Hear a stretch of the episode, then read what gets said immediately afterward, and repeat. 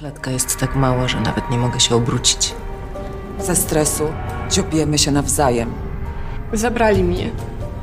Były takie małe. To jest po prostu rozpacz.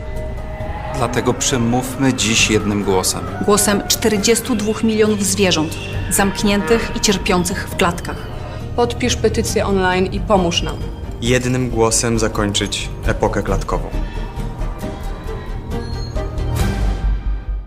Tak, wziąłem udział w społecznej europejskiej akcji Otwarte Klatki, która dąży do tego, aby zwierzęta, które są hodowane przez ludzi, nie były przetrzymywane w klatkach.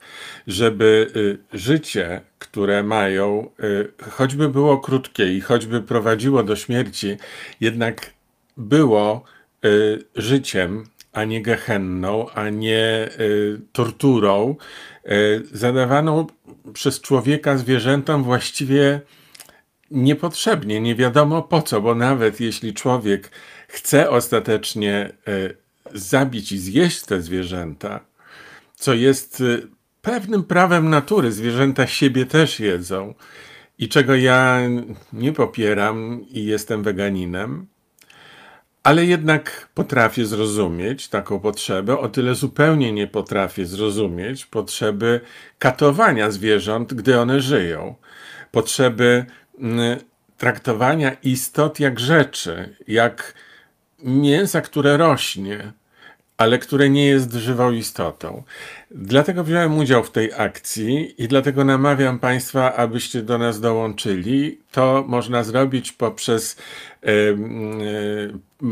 przejście na stronę tej akcji za pomocą linku, który jest e, pod okienkiem, w którym mnie widać. E, I tam jest lista, e, na której można się podpisać. Każdy głos się liczy, bo to będzie głos nacisku na bardzo, e, bardzo mocne lobby hodowców zwierząt, różnych zwierząt e, na świecie. W Polsce też. Pamiętają Państwo, jak e, w Polsce walczyliśmy e, o los zwierząt futerkowych i wydawało się, że już coś w tej sprawie będzie zrobione, a jednak lobby futerkowców e, doprowadziło do zablokowania e, tych humanitarnych akcji. Więc tak, każdy głos się liczy. Im więcej będzie tych głosów, tym większe e, przeciwstawienie się, e, większa siła przeciwstawienia się lobbystom i większa, e, większe humanitarne uzasadnienie naszego człowieczeństwa. Jeśli już mówimy o humanitaryzmie, człowieczeństwa, które polega na tym, że bez potrzeby nie zadaje się okrucieństwa, nie zadaje się bólu, nie zadaje się tortury, tylko po to, żeby dać wyraz swemu lekceważeniu. E, Bo pomyślmy sobie, co by było, gdyby te wszystkie prześladowane przez ludzi zwierzęta, męczone, gdyby one się zbuntowały i gdyby, jak bohaterka omawianego za chwilę serialu Chwała, postanowiły się zemścić w imię godności. Bo serial Chwała opowiada o tym, jak dziewczyna krzywdzona w dzieciństwie, w szkole, przez koleżanki, krzywdzona, torturowana, przypalana lokówką, przypalana skóra, e, zostawiająca na całe życie bolesne rany. Jak to mi przypomina to, co my ze zwierzętami robimy. Otóż ona postanawia po latach zemścić się na swoich oprawcach bo nie wierzy w to, że na świecie istnieje sprawiedliwość i nie wierzy w to, że ktokolwiek inny oprócz niej samej zrozumie jej ból i zechce doprowadzić sprawiedliwość do końca.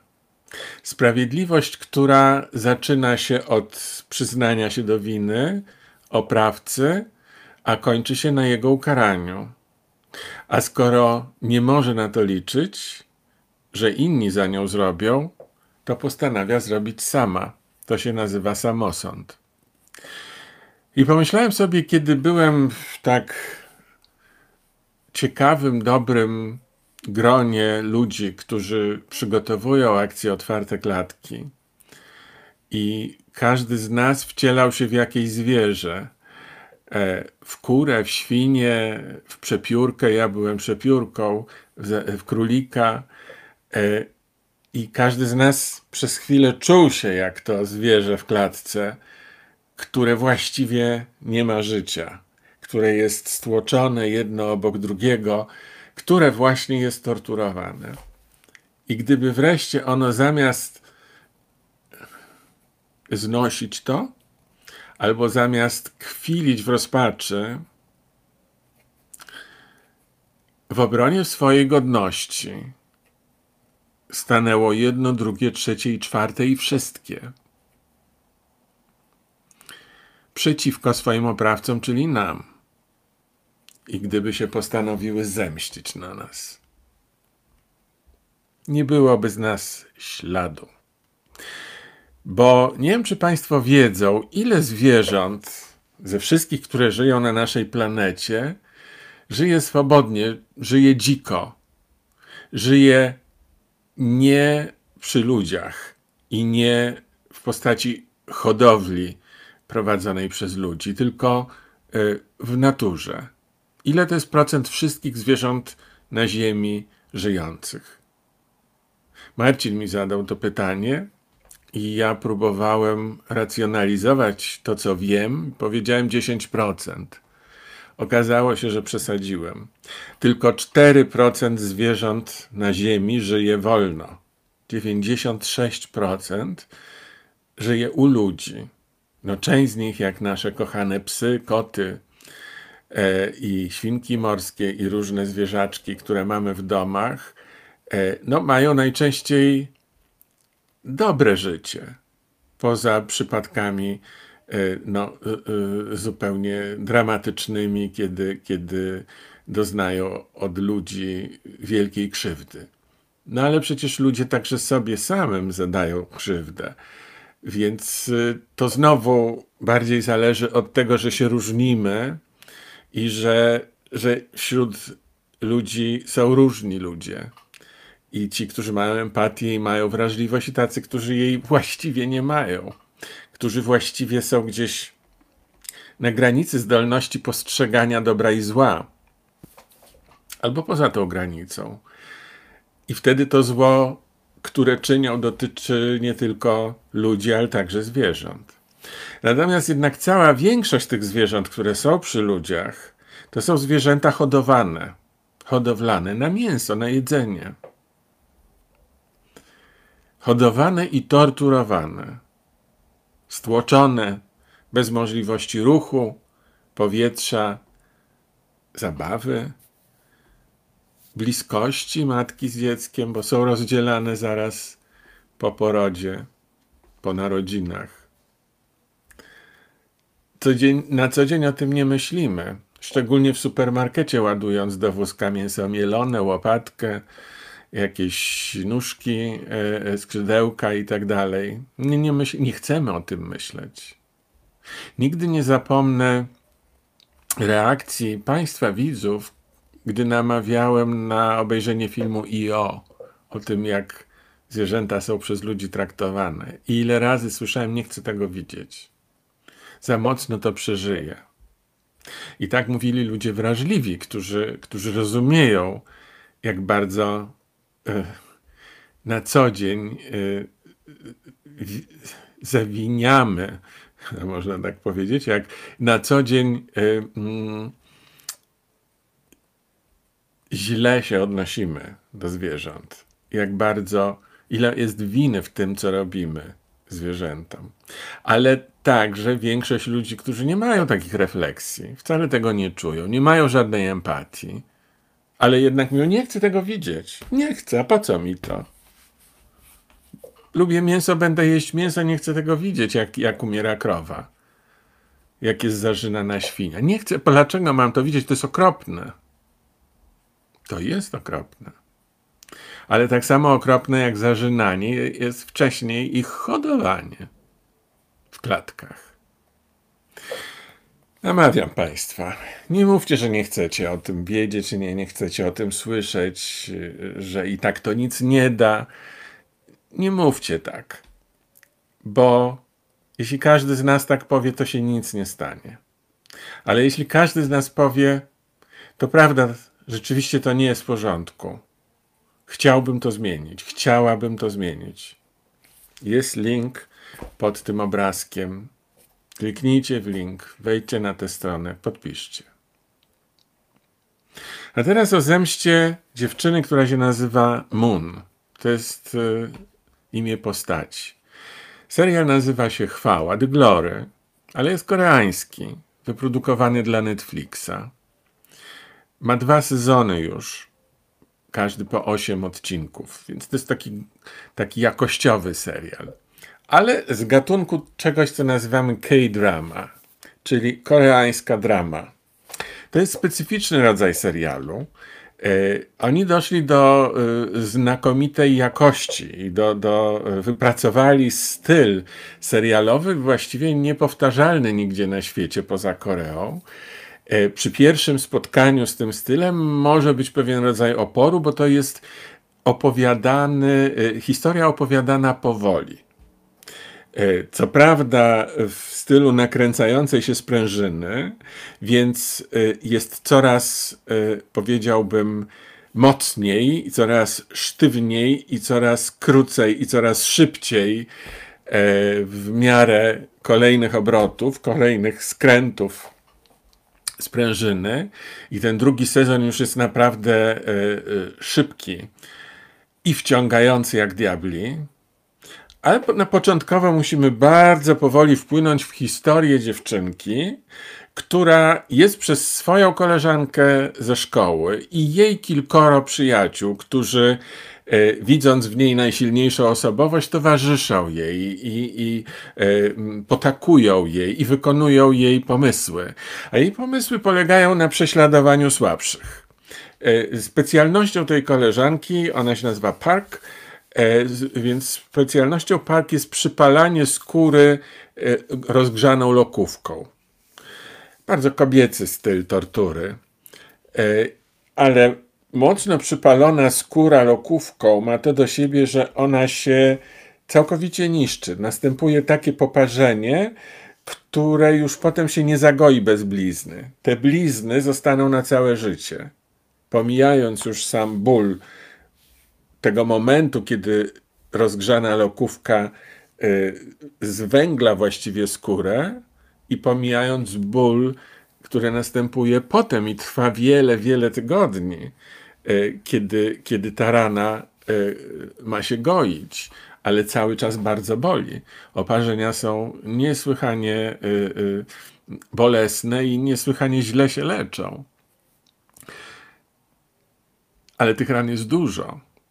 Moon, y, która nie, pozwo- nie, nie, nie potrafi się wyrwać z tej swojej matni i ciągle jest przez tych kolegów Park do niej doprowadzana po to, żeby mieć kolejne rany, kolejne blizny. Właśnie całe jej ciało jest w bliznach po rozgrzanej lokówce. Po co? Po nic. Po to, żeby było fajnie, żeby było trochę śmiechu, że ona krzyczy, żeby było trochę satysfakcji, że jest się mocniejszym, silniejszym, że się dyktuje prawa, że się, mu, że się decyduje, kto będzie miał dobrze, a kto będzie miał źle, że się y, można wyładować na tej y, koleżance wrzeszczącej i, i nie potrafiącej z tego się wyrwać, ale i ona jest z biednej rodziny i trochę patologicznej rodziny, ta biedna, ta przypalana, a ta mocna jest bardzo bogata, ona się niczego nie boi, ona w razie czego ma za sobą rodziców, którzy zapłacą za wszystko i, i wydobędą z tarapatów i kłopotów. Czuje się silna i z tego powodu, więc jest silna w bardzo toksyczny i w bardzo chory sposób, w bardzo zdegenerowany sposób. Jest degeneratką, jest młodą degeneratką. I to wszystko jej się udaje. Nasza bohaterka Moon nie jest jedyną jej ofiarą.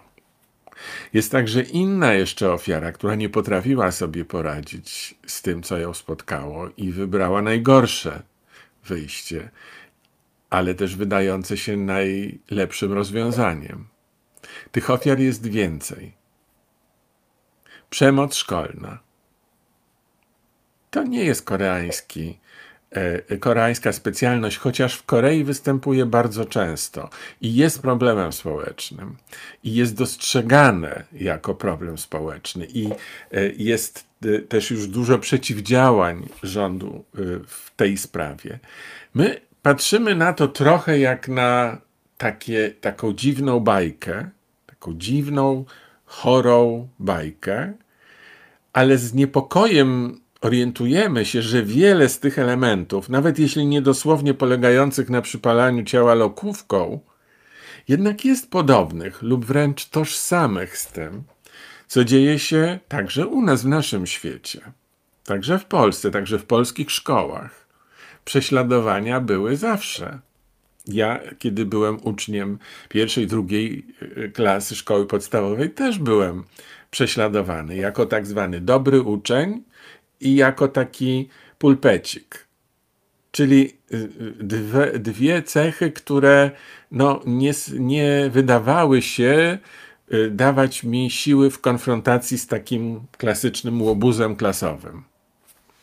Przeliczyli się bo ja sobie dałem radę, ale musiałem y, chwilę się zorientować, jak to zrobić. Kiedyś już Państwu opowiadałem, jak jednemu głównemu łobuzowi w klasie przywaliłem workiem na kapcie, ale do środka włożyłem łyżwy.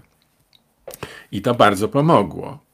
A potem, kiedy byłem starszy, to zacząłem już działać intelektualnie i potrafiłem takich. Y, y, takich chętnych do zadzierania po prostu skutecznie ośmieszyć, publicznie ich ośmieszyć, wyśmiać, skompromitować.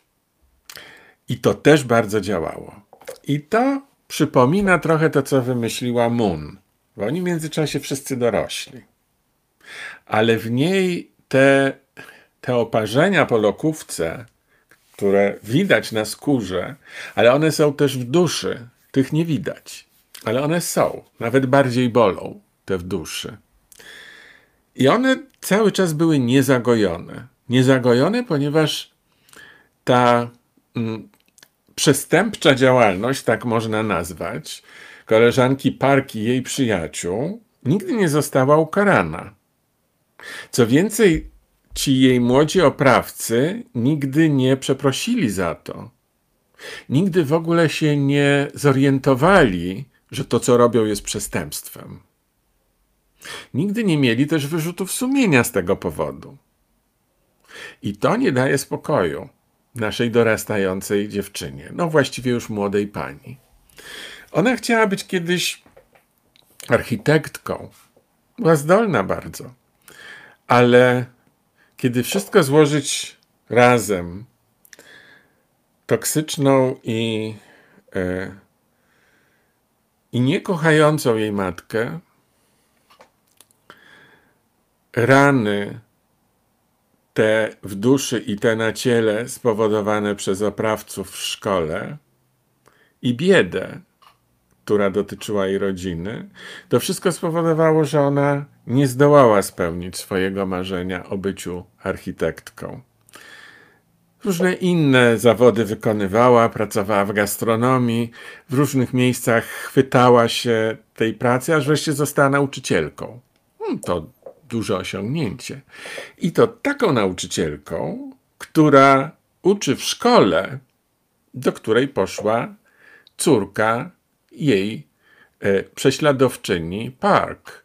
Czyli krótko mówiąc, e, mała córeczka y, dziewczyny, która ją przypalała lokówką, teraz jest uczennicą naszej y, y, poranionej Moon. No, mogłaby się mścić na dziecku, ale to byłoby po pierwsze nieetyczne, niemoralne, a po drugie to byłoby nie jej. Bo jej nie chodzi o to, żeby, żeby komuś zrobić krzywdę. Jej chodzi o godność. Chwała tytułowa. Ta, ta, ta chwała, która jest tak naprawdę walką o własną godność. A godności nie zapewni jej ból y, małego dziecka, które jest córką oprawc, oprawczyni.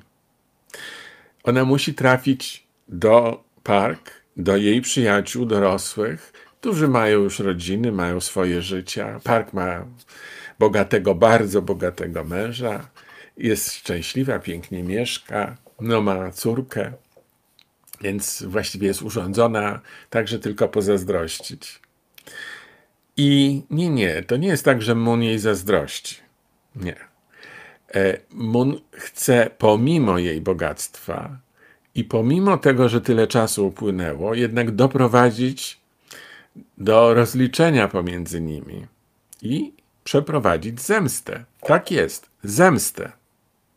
Ten serial jest o zemście. Nas uczono, że zemsta to jest złe e, zjawisko i że zemsta nigdy nie da spokoju i szczęścia, że zemsta obciąży, że po chrześcijańsku jest, jeśli cię biją, nadstawić drugi policzek, ale nie mścić się. No ale kodeks Hammurabiego mówi coś zupełnie innego. Mówi ząb za ząb. E, jeśli, jeśli ktoś ukradł, to uciąć mu rękę. No i ona trochę właśnie zgodnie z kodeksem Hammurabiego mówi. Musi być kara.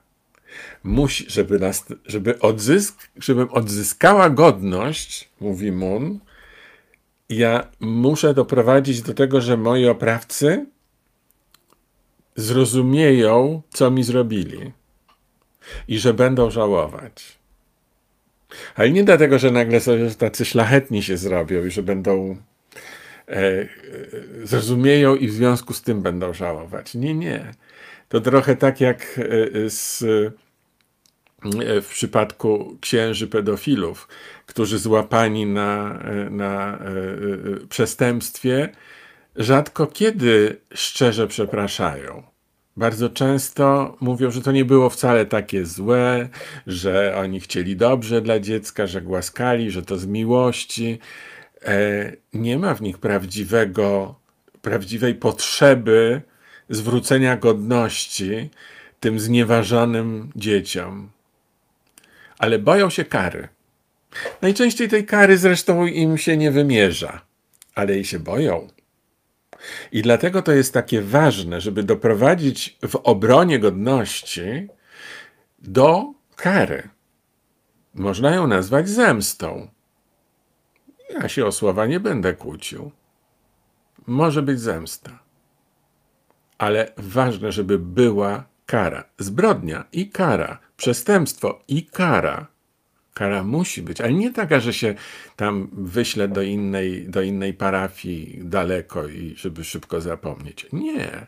Kara, więzienie. Nie, żeby parafia zapłaciła odszkodowanie. Do, bardzo dolegliwa kara, personalna, osobista w tej sprawie i w każdej innej, gdzie dochodzi do molestowania, do przemocy, jest potrzebna kara. No i o czym jest ten serial? Obserwujemy, jak ta kara dokonuje się na kolejnych osobach. Ale Moon jest bardzo inteligentna. Ona sobie rąk nie ubrudzi. Ona nikogo nie dotknie, ona nikogo nie przypali lokówką. Ona nikogo nie zepchnie do rzeki z mostu. Ona nikogo nie urazi fizycznie. Ona tylko będzie aranżowała, aranżowała sytuację, w której oprawcy przekieruje złość i okrucieństwo oprawców z ich ofiar, dawnych i aktualnych, na siebie. I to ta złość, okrucieństwo i brak wyobraźni, i brak empatii nie będzie razić innych, tylko będzie razić ich samych, aż się wzajemnie wyeliminują. Wzajemnie to oni siebie będą zabijać, a nie nasza prześladowana Mun. Jak do tego dojdzie, za każdym razem inaczej. I wiele osób tam jeszcze się włączy, bo takich, którzy mają coś na sumieniu i żyją z przekonaniem, że może się udało to jakoś wepchnąć pod dywan, może to się y, y, y, zapomniało o tym. Hmm, nie, się nie zapomniało. Możecie to nazywać zemstą, a możecie inaczej. Mogę to nazwać zaaranżowaniem sprawiedliwości. Fajnie? To już nie boli takie słowo, bo zemsta boli i od razu się wszyscy jeżą. Ale zaaranżowanie sprawiedliwości to jest to samo. Ale brzmi tak szlachetnie i tak jakoś neutralnie. No i to właśnie pokazuje serial. Scenarzystka tego serialu, Kim Eun-suk, Eun-suk, jeśli dobrze po koreańsku wymawiam, na pewno niedobrze wymawiam, no ale wybaczcie mi Państwo, próbowałem znaleźć wymowę y, imienia i nazwiska naszej scenarzystki, ale nie znalazłem. Jeśli ktoś zna, to, to proszę w komentarzach podpowiedzieć. Otóż ona w jednym z wywiadów powiedziała, skąd się wziął w ogóle ten pomysł na y, taki serial. Otóż kiedyś rozmawiała ze swoją córką, właśnie taką nastoletnią córką, która chodzi do szkoły, której mogłaby ta lokówka dotyczyć. I córka ją zapytała: Mamo, gdybyś miała wybrać, co byś wolała? Czy żeby mnie prześladowano w szkole i torturowano, czy żebyś się dowiedziała, że ja to robię innym? I wtedy nasza scenarzystka zastanowiła się i odpowiedziała sobie sama w duszy, że chyba wolałaby, żeby jej córka nie robiła tego innym, że już wolałaby, żeby to ona była ofiarą, bo wie, że umiałaby się zemścić na jej oprawcach. Nie zostawiłaby tego tak. Ale potem powiedziała tak w wywiadzie, ale ja sobie zdaję sprawę, że jestem osobą bogatą. W związku z tym stać mnie na to, żeby dotrzeć do oprawców i żeby zablokować ich ewentualne ruchy obronne, to znaczy, żeby ich dorwać, żeby zrobić im piekło, tak dokładnie powiedziała. Bo mam pieniądze, które mi to umożliwią. No a ta bohaterka serialu, Moon, nie ma tych pieniędzy, bo jest z biednej rodziny. Ale teraz, jeżeli Państwo myślą, że ten serial został wymyślony przez naszą Kim Eun-suk, bo ją córka zapytała, to nie zupełnie tak było. Bo w Korei takie rzeczy dzieją się naprawdę. I ten serial teraz, wierzcie mi lub nie wierzcie, ale ja wam to mówię szczerze, bo się dowiedziałem z pewnych źródeł jest oparty na prawdziwych wydarzeniach. To się stało, proszę Państwa, w 2006 roku w miejscowości czy w mieście Henzengyu, w Korei oczywiście. I, i takie właśnie e, przykłady e, prześladowania, torturowania jednych dzieci przez drugie dzieci tam miały miejsce. To się skończyło ogólnonarodowym skandalem, ogólnonarodową e, sprawą. E, media potem dużo o tym pisały. E, no właśnie uruchomiono pewne działania na poziomie Ministerstwa Szkolnictwa, ale cały czas nie przynoszące wystarczających efektów. I ta sprawa w Korei jest ciągle gorąca i ciągle budząca emocje. I to na tych fundamentach został zbudowany serial pod tytułem Chwała.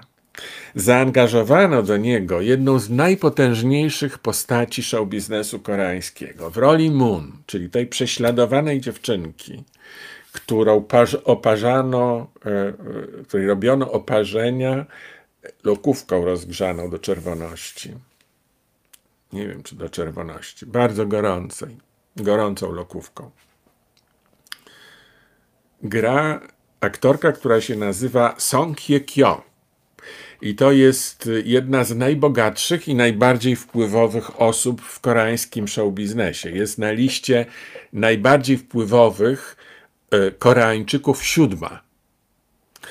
Jest aktorką, ale nie tylko, jest także bizneswoman. Kiedy miała 14 lat, najpierw była łyżwiarką figurową, potem była laureatką konkursu piękności.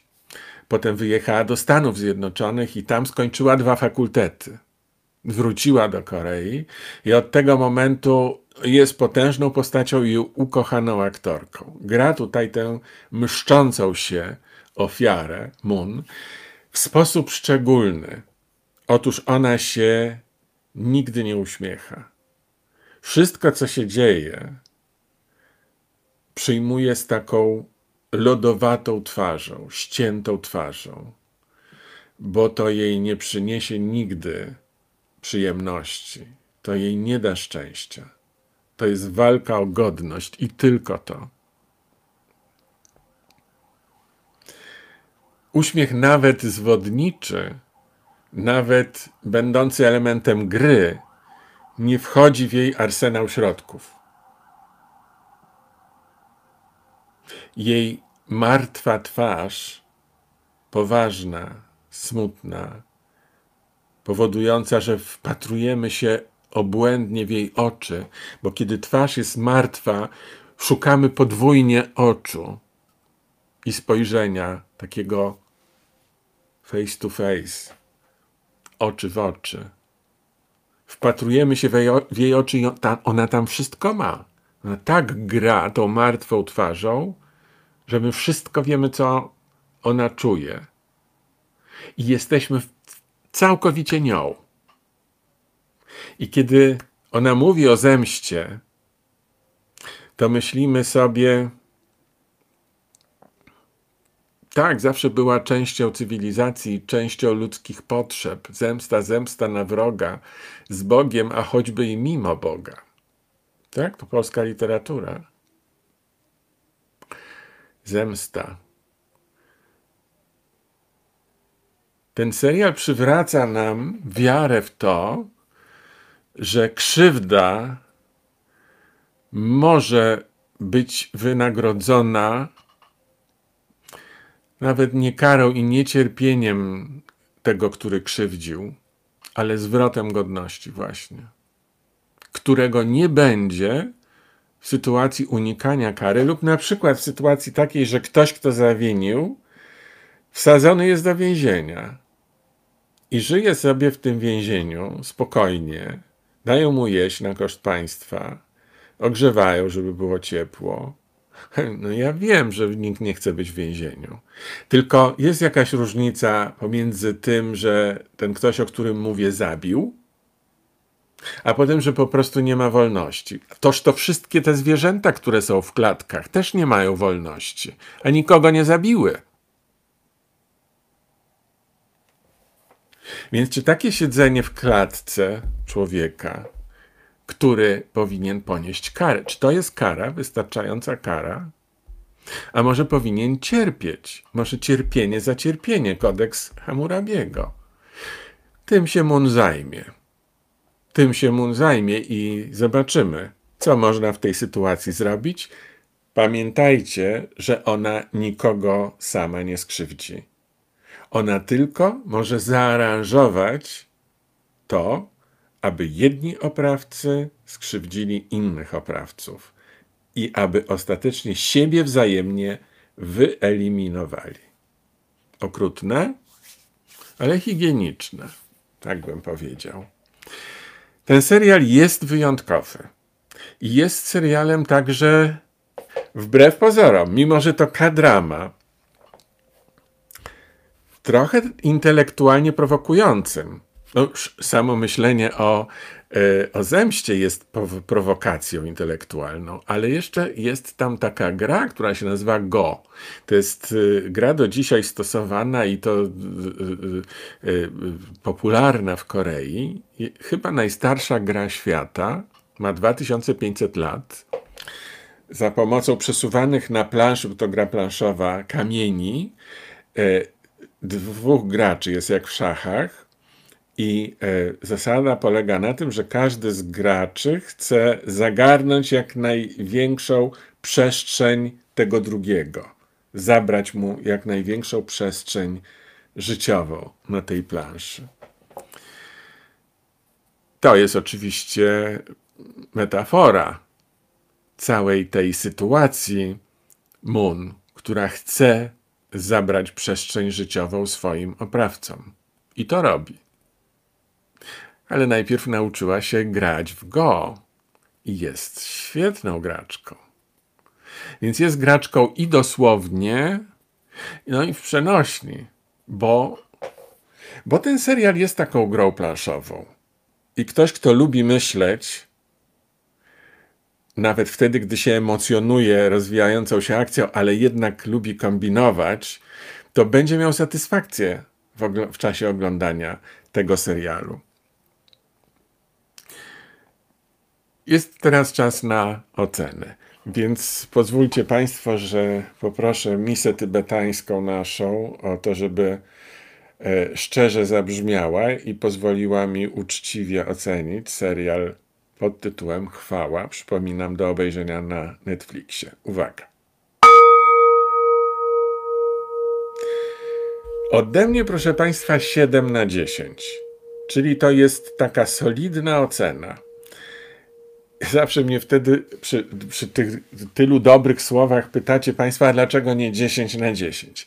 No bo nie wszystko jest doskonałe. E, na przykład y, mm, są przesterowane postacie. Y, Co prawda to jest odwołanie się do tradycji dalekowschodniego teatru, gdzie to przesterowanie i takie y, na- narysowanie grubą kreską i dosyć y, typizacja postaci bardzo wyrazista jest tradycją. E, I ja to rozumiem i doceniam, ale, ale jest w tym serialu pewna nierówność. To znaczy, jedni grają nowocześniej, inni właśnie bardzo w stylu tych e, starych e, konwencji teatralnych dalekowschodnich. Szczególnie matka naszej bohaterki. Mm, Więc czuję tutaj nie, nie do końca panowanie reżysera, który się nazywa Jill Ho-an e, nie, nie, nie do końca, e, e, jak rozumiem, e, e, e, zdołał to zakomponować. Przynajmniej tak, jak ja to odbieram.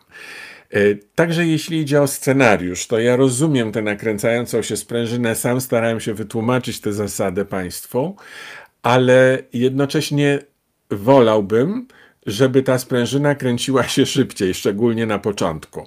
Wchodzenie w ten serial, pierwsze dwa, trzy odcinki sprawił mi, sprawiło mi kłopot. E, Byłem właściwie na krawędzi rezygnacji. Y, Dziś, kiedy o tym myślę, to myślę, że niesłusznie tak odczuwałem. Może nie byłem dość przygotowany, może byłem zbyt spięty, może zbyt nerwowy, może oczekiwałem zbyt szybko czegoś konkretnego. Dowiedziawszy się, że to jest serial o zemście, pałałem rządzą zemsty od pierwszego odcinka, a to powoli się nakręcało. Pałałem rządzą zemsty. No, tak.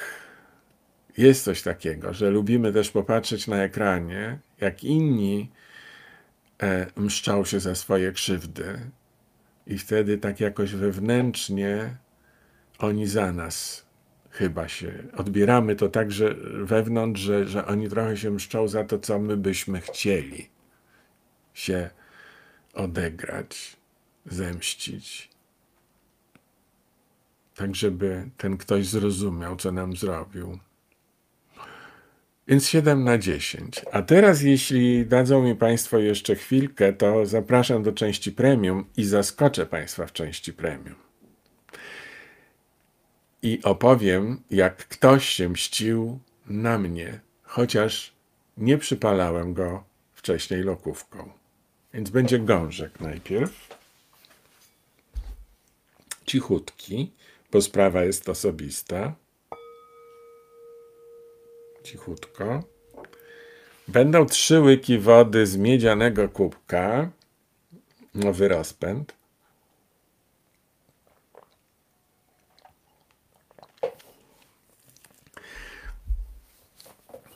I będzie opowieść. To było w czasach mojej szkoły, ale nie podstawowej, nie średniej. Było na studiach w Akademii Teatralnej, która nazywała się wtedy Państwową Wyższą Szkołą Teatralną w Warszawie. Studiowałem, jak pewnie państwa, Państwo wiedzą, bo ja już nieraz o tym opowiadałem, na Wydziale Wiedzy o Teatrze, czyli na Wydziale Teorii Teatru.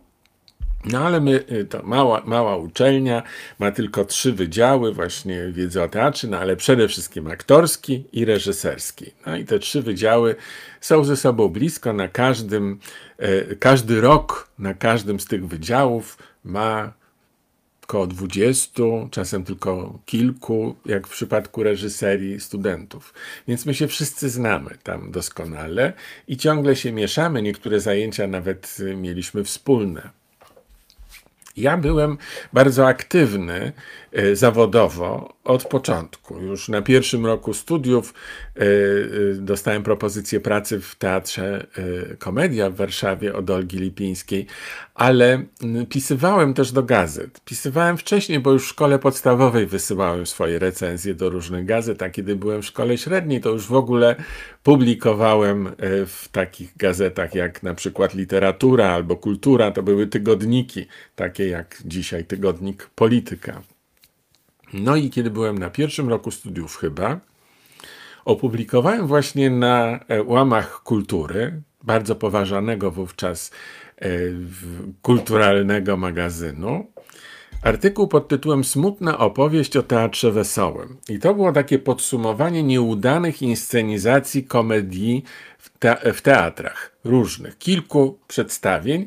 Y, za każdym razem to były inscenizacje komedii znanych, no ale nieudane. I jedną z tych nieudanych inscenizacji były śluby panieńskie w reżyserii Fredry, y, w, y, Aleksandra Fredry w reżyserii Jana Świderskiego, wybitnego aktora no, ze świetną obsadą, bo tam nawet grała Aleksandra Śląska. E, ale spektakl był nieudany. Spektakl był taki przyciężki, nie perlił się jak to u, e, jak to u Fredry, nie miał w sobie lekkości, nie miał, nie miał płynności, nie miał e, barwy, nie miał pasji, był taki trochę szkolny. Ja to wszystko napisałem i powiedziałem, napisałem, że największy problem w takich sytuacjach jak ta jest wtedy, gdy okazuje się, że reżyser, który reżyseruje komedię, nie ma poczucia humoru. A Jan Świderski wyraźnie nie ma poczucia humoru. No i to zostało wydrukowane. Pro problem polega na tym, że Jan Świderski wykładał w naszej szkole. No i on się wkurzył, jak przeczytał mm, taką recenzję, taką, taki artykuł w kulturze i zaczął pytać, kto to jest ten Tomasz Raczek, to w ogóle nieznane nazwisko, skąd on się w ogóle wziął, kto to jest? A jemu powiedzieli, panie profesorze, to jest pana student w szkole teatralnej. No co prawda on jest na Wydziale Wiedzy o Teatrze, więc pan go nie uczy, no ale spotykacie się na korytarzu. I on wtedy poprosił jednego z moich kolegów, właśnie z Wydziału Aktorskiego, żeby, żeby pokazał, kto to jest, ten raczek. On pokazał. E, I, i, I to było wtedy takie słynne, e, słynne splunięcie mi pod nogi, kiedy on podszedł i zapytał, czy to ja jestem raczek. Ja powiedziałem tak, i on tak Twa! zrobił po aktorsku. E, ale to nie, to, to był tylko początek. A potem Świderski zaczął się mścić na mnie za to, że wypomniałem mu brak poczucia humoru w gazecie. Za to, że byłem w pozycji krytyka, który go skrytykował. Postanowił mi dać popalić. Uznał tę moją recenzję za przypalanie lokówką i postanowił się zemścić. Jego zemsta miała być straszna, ponieważ złożył taki wniosek, on był w Radzie, w radzie uczelni, w Senacie uczelni, złożył wniosek o wydalenie mnie ze studiów. No i ten wniosek był rozpatrywany e, przez e, Senat i przez Radę Wydziału. E, mojego, ale, e, no, ale e, profesorowie łapali mnie na korytarzu i mówili, panie Tomaszu, niech, niech się pan nie martwi, tam Świderski żąda, żeby pana wyrzucić, ale my nie pozwolimy, my, my tu stojemy, stajemy w pana obronie spokojnie, spokojnie. Ciekawe tylko, że łapali mnie za rękaw i mówili to wszystko pod ubikacją, gdzieś szeptem. Natomiast oficjalnie nic takiego nie mówili. Koniec końców jednak obroniono mnie i nie wyrzucony zostałem z uczelni, a Tadeusz Łomnicki, który był wtedy rektorem, powiedział nawet, e, kiedy oddalał wniosek Świderskiego, że przeczytano komisyjnie artykuł pana Raczka i nie znaleziono w nim niczego, co by kwalifikowało go jako nieprofesjonalny, e, a nawet zwrócono uwagę na pewne interesujące jego uwagi czegokolwiek to miało dotyczyć. No ale to nie spoczął nasz bohater. Jan Świderski postanowił się jednak na mnie zemścić. Skoro nie można mnie wyrzucić z uczelni, to przynajmniej cho- choćby, żeby zamknąć ten wydział w ogóle, który takich szkodników jak ja uczy i do Ministerstwa Kultury się udał z taką właśnie nadzieją, że może uda się wyperswadować w ogóle istnienie tego wydziału, ale to też się nie udało. No i wreszcie miał już taki program minimum, żeby źle o mnie mówić, gdzie, gdzie popadnie. No między innymi do telewizji chodził, y, bo zorientował się, że ja już będąc na studiach zacząłem w telewizji działać i występować.